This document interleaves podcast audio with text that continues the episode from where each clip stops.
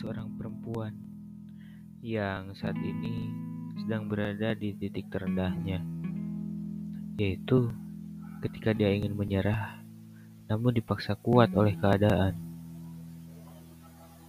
Tapi dia percaya bahwa sesuatu hal yang indah itu pasti dimulai dari perjalanan yang menyakitkan.